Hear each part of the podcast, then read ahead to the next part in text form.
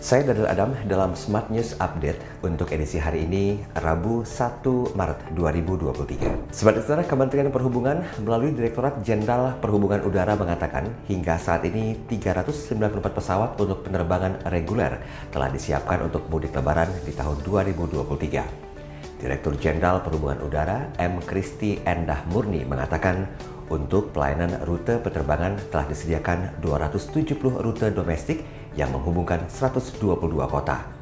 Kementerian Perhubungan juga akan melakukan pemantauan kepada 51 bandara selama periode mudik lebaran 2023. Kita beralih ke berita selanjutnya. Kepala Badan Pengatur Jalan Tol Danang Parikesit mengatakan, dalam waktu dekat ada empat ruas tol yang mengalami kenaikan tarif. Menurutnya, rencana kenaikan tarif empat ruas tol itu pun disetujui oleh Menteri PUPR Basuki Hadi Mulyono.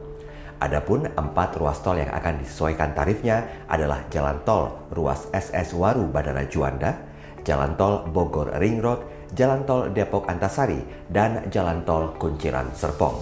Sementara untuk ruas jalan tol lainnya masih dipertimbangkan.